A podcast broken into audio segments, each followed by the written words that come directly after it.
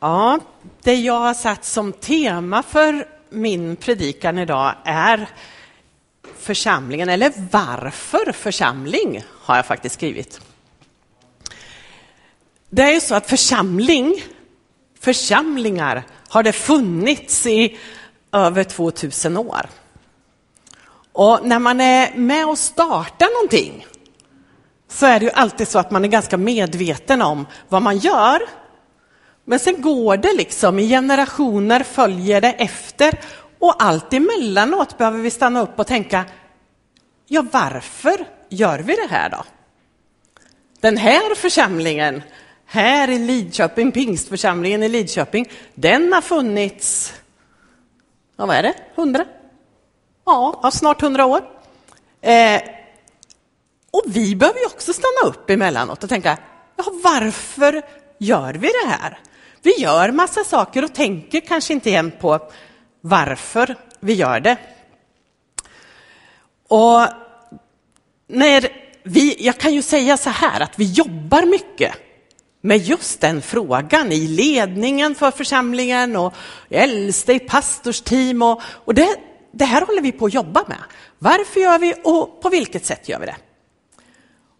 Och då tänkte jag så här att jag ska ta med er till allra första början.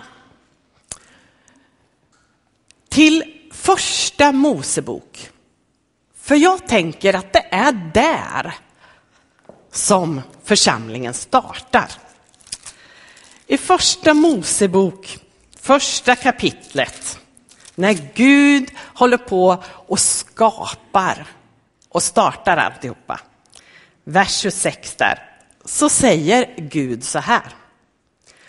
Låt oss göra människor till vår avbild, till att vara lika oss. De ska råda över fiskarna i havet, över fåglarna under himlen och över boskapsdjuren och över hela jorden och över alla kräldjur som rör sig på jorden. Och Gud skapade människan till sin avbild. Till Guds avbild skapade han henne, till man och kvinna skapade han dem. Så själva syftet med att Gud skapade oss människor var att vi skulle vara lika honom. Vi skulle vara en avbild av honom. Vi skulle på något vis gestalta honom. Och om man tänker att det är därför jag finns till, så tänker jag att hela mitt liv får ett annat perspektiv. Jag tänker att människor i alla tider har brottats med varför finns vi här? Vad är meningen med livet? Men när jag börjar inse och förstå att jag är här för att Gud vill vara synlig på jorden. Då, då blir det någonting stort. Då blir mitt liv någonting som liksom passar in i någonting mycket större. När han skapade oss till sin avbild så säger han låt oss skapa människan till vår avbild. Vi hörde det från söndagsäventyret redan här, att Gud från början så är han gemenskap. Och när han skapar oss till att vara lika honom så blir vi inbjudna i den här gemenskapen. Och han säger kom och dela min gemenskap. Så vi har blivit inbjudna i den gemenskapen, att vara där tillsammans med honom. Och det kan jag känna är så, så stort. Att lilla jag får kliva in i treenighetens gemenskap. När Fader, Son och heliga Ande liksom rör sig tillsammans. Jag nästan ser det som en dans framför mig och så liksom bjuder de in mig i det. Och så får jag vara där tillsammans med dem.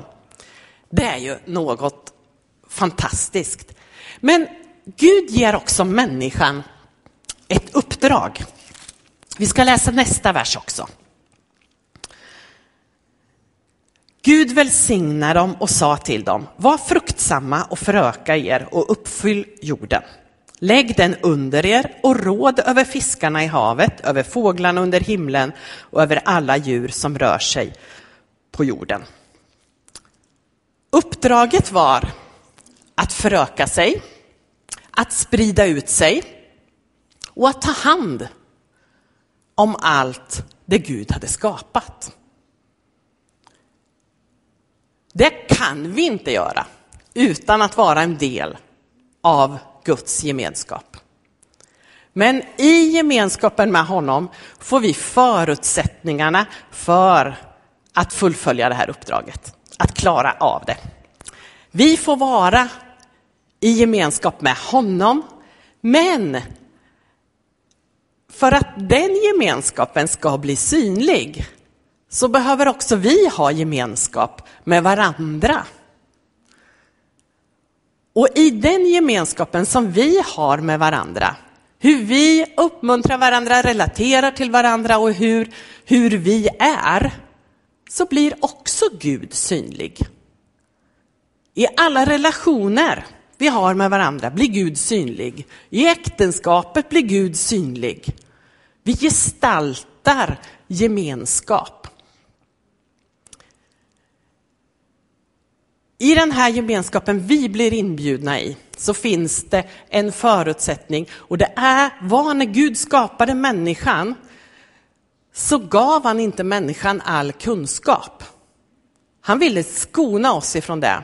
Och så kom syndafallet. När människan väljer att få den kunskap som Gud ville skydda oss ifrån. Och så kliver liksom ondskan in i människan. Man åt av kunskapens träd på gott och ont. Och helt plötsligt visste man vad det var att vara rädd. Helt plötsligt visste man vad det var att bli påverkad av det här, att bli avundsjuk på varandra, att skylla ifrån sig. Allt det här som Gud hade velat skona människan ifrån, sa vi, nej, Gud, vi vill ha insyn i det här. Vi vill ha koll på det här. Och det här kan vi följa genom hela Bibeln, genom hela gamla testamentet så läser vi om att det här är den största synden som människan gör. När man säger, nu vill jag ha koll. Nu måste jag kontrollera det här.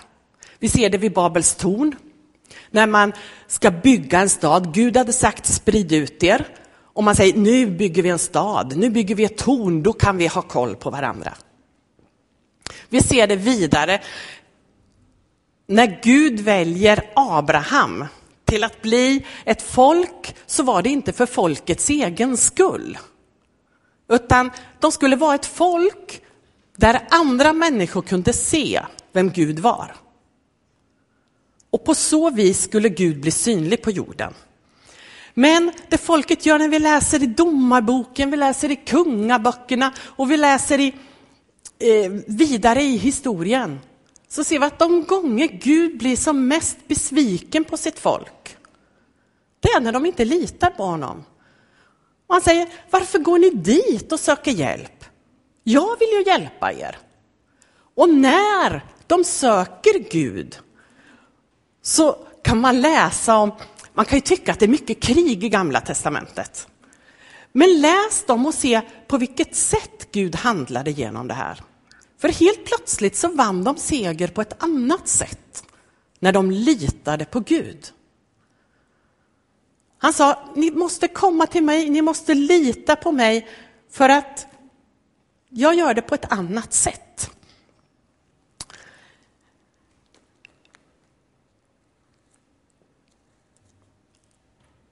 När Jesus sen kommer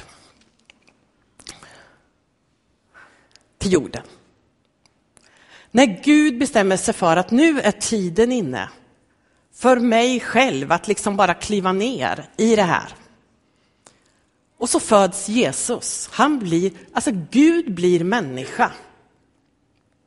Och hans största uppgift här på jorden var ju att gestalta Gud. att göra Gud synlig för oss så att vi skulle kunna fatta det här, att vi skulle kunna förstå vem han var. Och han öppnar också vägen in i den här gemenskapen på nytt igen. Det som hade brustit när ondskan kom in, det öppnar Jesus vägen. Därför är det ganska lätt att motivera att det bara är genom Jesus du kan komma in i den gemenskapen. Därför att om det finns ett stort hinder i vägen mellan dig och Gud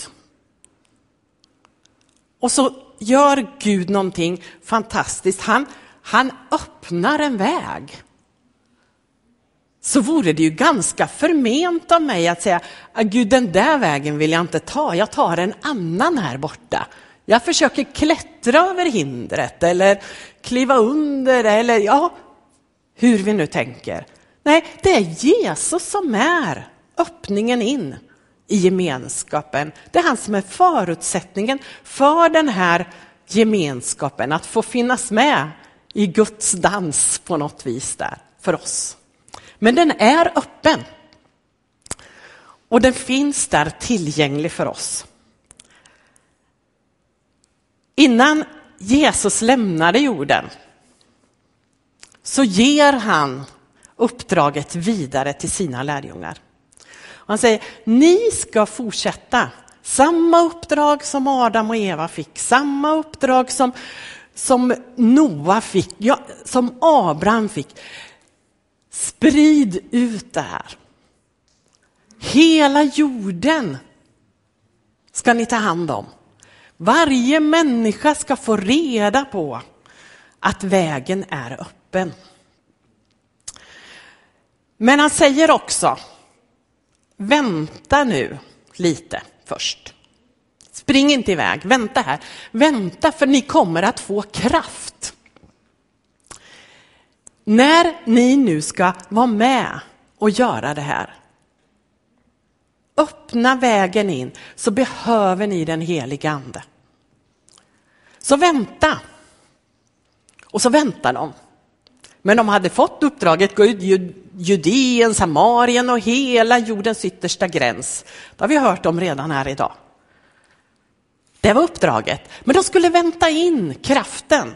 Och så kommer den heliga ande och uppfyller dem och de märker att wow, nu fick vi helt andra förutsättningar. Helt plötsligt försvann den där rädslan från att vad gör de med oss? Hur kommer det här att gå vidare? Och helt plötsligt så upptäcker de att den helige ande i dem ger dem ord så att de kan förklara det de är med om. Och de får vara med om, om stora saker. Men mitt i den här glädjen, man kan ju säga att här startar liksom den nya tidens församling. Alltså den där, där vi har upptäckt Jesus som vägen. Det startar där, men det höll på att stanna där. För i sin glädje över det som händer, när Jesus hade sagt att de skulle vänta lite så var det som att det hade blivit själva signumet för det. För de stannar kvar i Jerusalem. Och så glömmer de uppdraget. Och de har det väldigt gott där och det händer mycket och människor kommer till tro och, och församlingen ökar och, och de har det jättebra. Folk utanför har respekt för dem och det kommer nya till. Men uppdraget då? Det var som att det lite stannade av. Jag tror inte det var Gud som sände förföljelse, men han tillät den för hans viljas skull. För att församlingen var inte meningen att stanna i Jerusalem, utan den skulle vidare. Så kommer det förföljelse som gör att alla utom ledarna i församlingen sprids faktiskt ut. De flyr för sina liv ifrån Jerusalem. Men där de har upplevt det så stort och så starkt, så var de än kommer så startas församlingar. Och där kan man säga att där började ju hända någonting av det som Gud hade tänkt. Och då kan man ju tänka, men hur ska vi då vara den här kyrkan, församlingen? Och, och, och varför, alltså vad är, vad är det vi håller på med? Vad är det vi gör? Och där kan ju vi då gå tillbaka och titta. Och här finns det många bilder i Nya testamentet på vad en församling är. Men jag tänker att vi måste fortfarande hålla kvar hela det här uppdraget som människan gav församlingen. Vi ska gestalta Gud.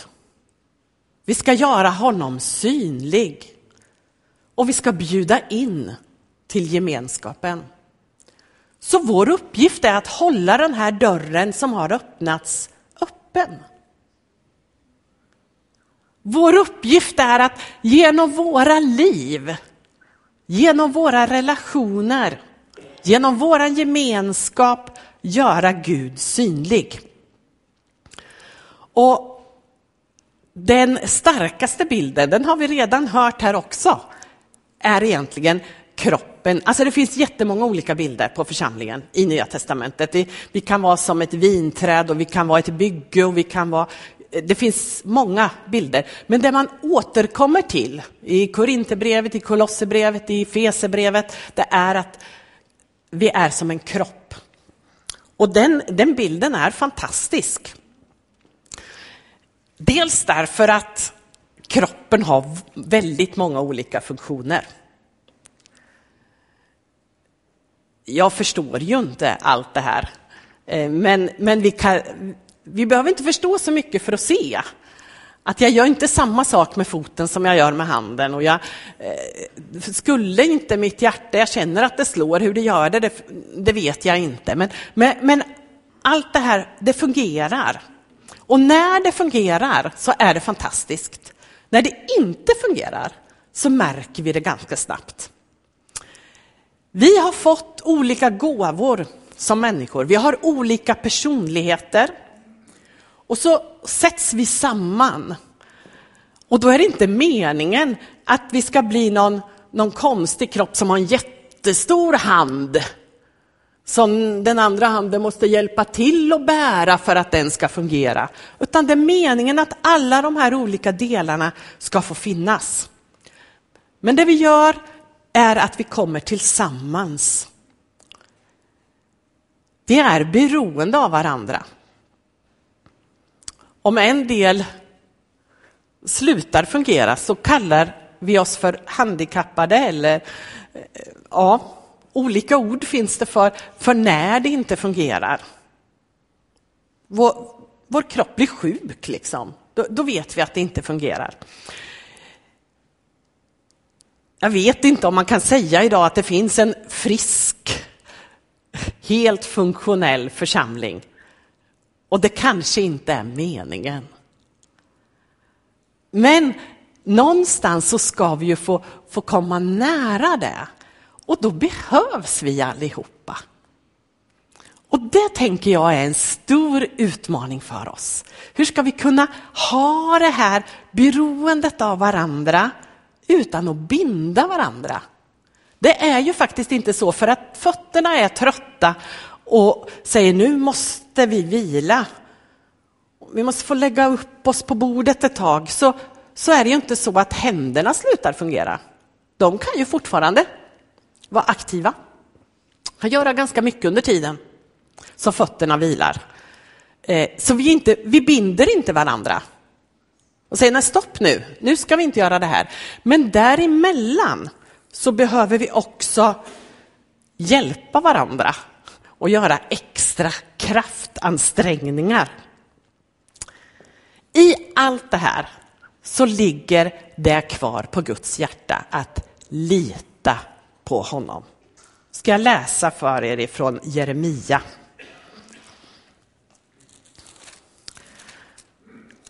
Jag skulle egentligen kunna läsa från var som helst i Bibeln, för det, det finns så många uttryck för det här. att vi ska lita på honom, att vi ska vända oss till honom. Men i Jeremia 17 så står det så här. Från vers, ja, vers 7 och 8 läser jag. Välsignad är en man som förtröstar på Herren, den som har Herren till sin förtröstan. Han är som ett träd planterat vid vatten och som sträcker ut sina rötter till bäcken. Det fruktar inte om hetta kommer, dess löv är alltid gröna. Det blir inte förskräckt om ett torrt år kommer och det upphör aldrig att bära frukt. Det här är ju ett löfte. Det säger inte att vi kommer ha det lätt.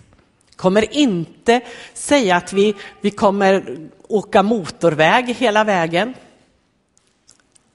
Men hur det än är får vi lita på Gud. Och när vi litar på Gud, på alla hans löften han har, då kommer vi fungera på det sättet att mitt i svårigheterna, mitt i det värsta, så kommer vi kunna förtrösta på honom och lita på att han är med och bär i det här. Han finns med och håller oss. Och där finns också en viktig funktion i församlingen, att där finns vi och bär varandra i det.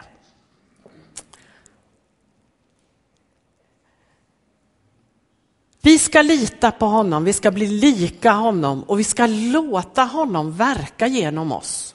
För den helige Ande bor i oss med all sin kraft. Vi har tillgång till himlens hela rikedom, står det i Bibeln. Det här skulle vi ju önska, jag tror vi längtar efter alla, att det här finge komma, liksom, att vi förstod hur vi kunde förlösa Guds kraft i våra liv. Och där tror jag att vi behöver varandra. Precis som en kropp behöver vila på natten, äta regelbundet, så behöver vi som församling en viss rytm. Och här tror jag gudstjänsten har en stor roll. Gudstjänsten, när vi möts och kommer tillsammans, så händer någonting med oss. Det är inte så att man har firat gudstjänst i alla tider sedan församlingen startade utan orsak. Den är, jag tror att gudstjänsten är lite av den här återhämtningen, vilan som kroppen får varje natt. Att vi behöver komma tillsammans. När vi, som vi har gjort förut här, lovsjunger Gud tillsammans. När vi kommer inför honom och upphöjer honom för den han är, då bygger vi en, en plattform för honom. Vi bygger en, en tron, står det. Han tronar på våra lovsånger. Så att hans vilja kan få ske. Så när vi kommer tillsammans och istället för att och liksom, eh, sitta och titta och, och vara kritiska mot varandra och vad händer nu? Istället fokusera på Jesus och lyfter honom och säger tack Jesus för vad du har gjort. Gud, du är den största. Då, då bygger vi en tron här och ifrån den tronen kan han regera. Där kan han utföra sitt verk. Därför är det viktigt när vi kommer tillsammans att vi liksom skapar den här fantastiska tron på vem Gud är. Vi bygger en tron åt honom och vi skapar tro i våra liv genom att vi lovsjunger honom tillsammans. För utifrån den tronen kan han verka. Ni vet att Jesus sa när han gick omkring här på jorden att jag kan inte göra så mycket här för att det finns ingen tro. Och så kan vi säga, Åh, ska vi, hur ska vi göra tro nu då? Hur ska vi få till det? Jag, jag har varit med i det och liksom försökt att krampa till den där tron. Men när vi lovsjunger Gud, hur jag än känner det så säger jag tack Jesus för att jag får vara här. Tack för att du är så stor. Så händer någonting i mig. Jag krampar inte fram någon tro, men jag smittas av de andras tro. Och jag är med och smittar andra när jag visar att, ja bara genom att du kom hit idag, så har du visat att du tror på församlingen, att du tror på vår gemenskap.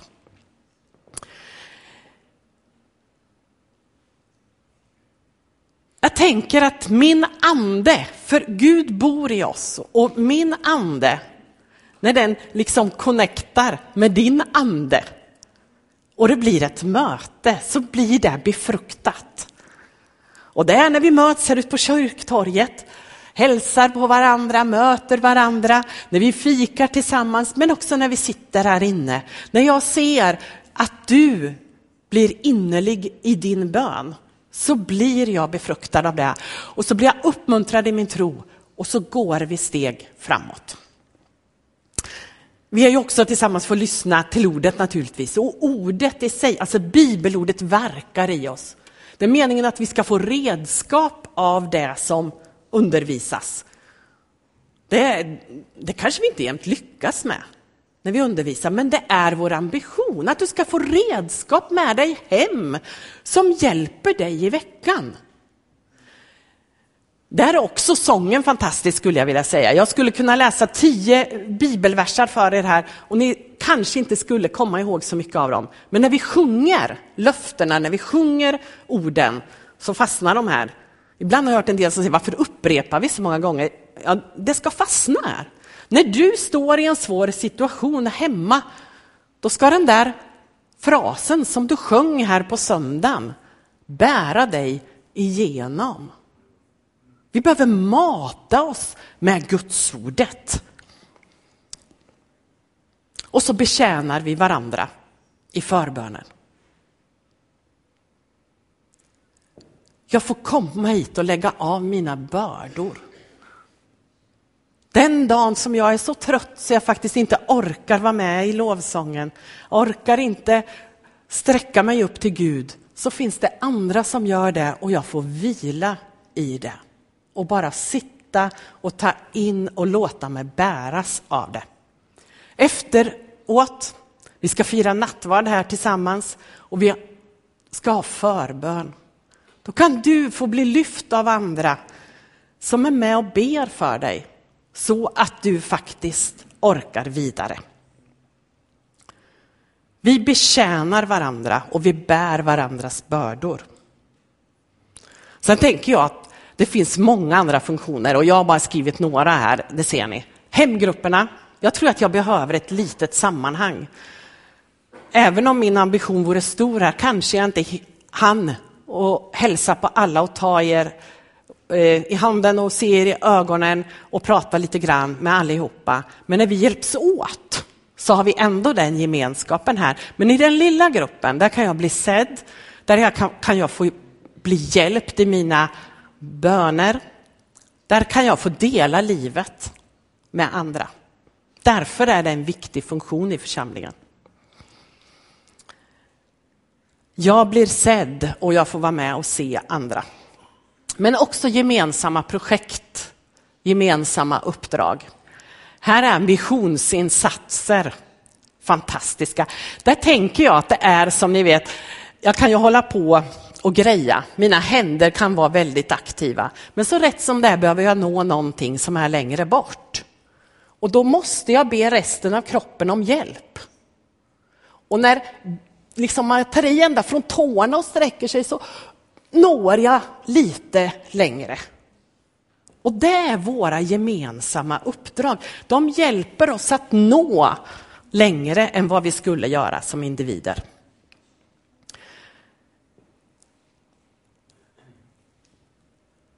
Uppdraget är fortfarande i allt vi gör att göra Gud synlig.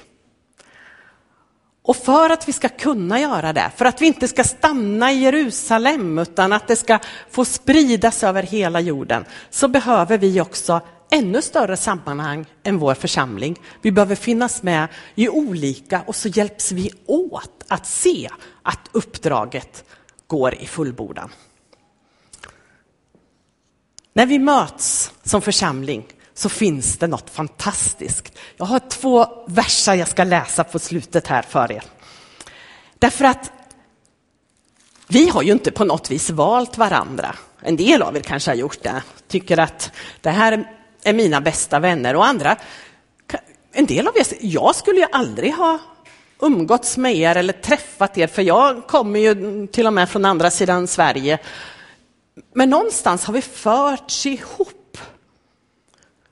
Och mitt i våra olikheter så får vi befrukta varandra. I Galaterbrevet kapitel 3 så står det så här.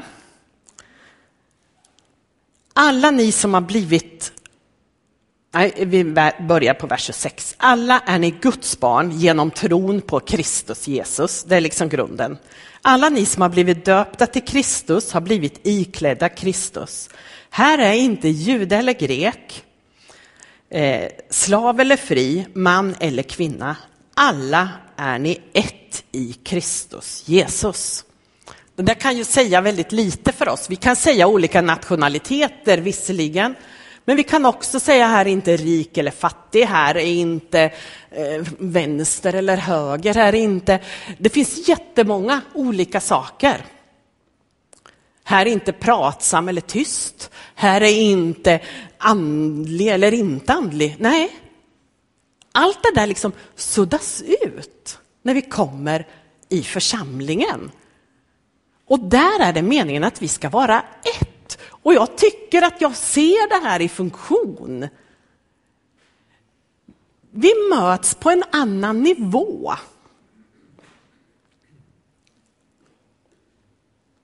Det är som att, det, det, var någon som sa, kommer jag ihåg när jag för länge sedan en gång låg på BB, alltså när jag hade fått fått ett av mina barn, så sa, var det någon som sa efteråt, det är så märkligt för här på BB så är vi liksom alla ett. Vi glömmer bort vad vi har för roller i vår övriga verksamhet, för att nu är vi här för att få barn. Och lite, jag tar det bara som exempel för att du ska förstå, alltså när vi kommer hit till församlingen är det som om det där andra som skulle göra stora skillnader annars inte finns kvar. Så är åtminstone tanken för det. Det är fantastiskt att få vara en del i Guds församling. Och så ska jag bara påminna er om en sista vers från Efesebrevet 3 och 20. Han som förmår göra långt mer än allt vi ber om eller tänker genom den kraft som mäktigt verkar i oss. Honom tillhör äran i församlingen och i Kristus Jesus genom alla släktled i evigheternas evighet. Amen.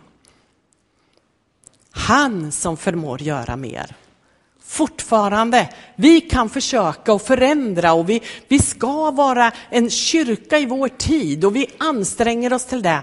Men det är han som utför sitt verk genom oss. I oss själva skapar vi bara förvirring när vi anstränger oss. Men om vi får låta oss ledas av den helige Ande och komma tillsammans i det här, så kan vi få vara en kyrka för vår tid. I alla släktled, stod det. Det är inte beroende av...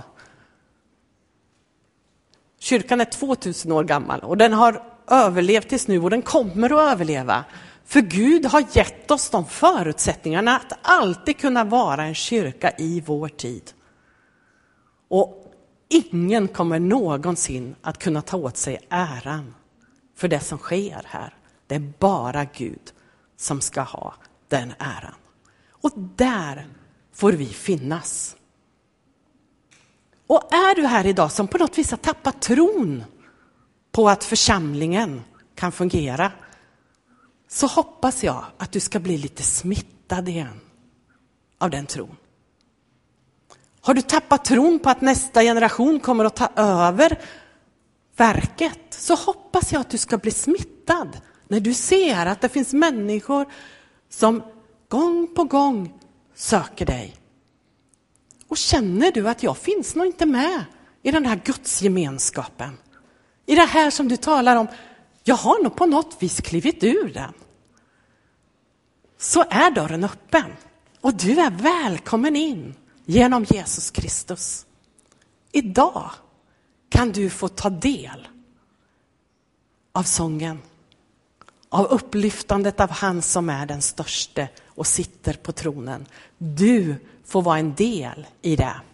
Vare sig du känner dig jättesvag eller du känner att du är stark och vill vara med och dra. Så hjälper vi varandra och bär varandras bördor. Gud välsigne dig. Tack Jesus för att du har öppnat vägen. Någonting som vi aldrig kunde göra. Men hjälp oss att hålla den dörren öppen. Hjälp oss att vara en inbjudande församling, en församling som öppnar upp, en församling som lägger ner kraft på att vara en välkomnande församling, en, församling som vill nå människor av idag.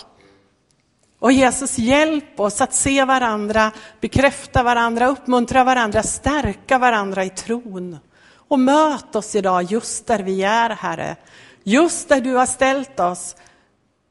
Just där du vill ha oss, Herre.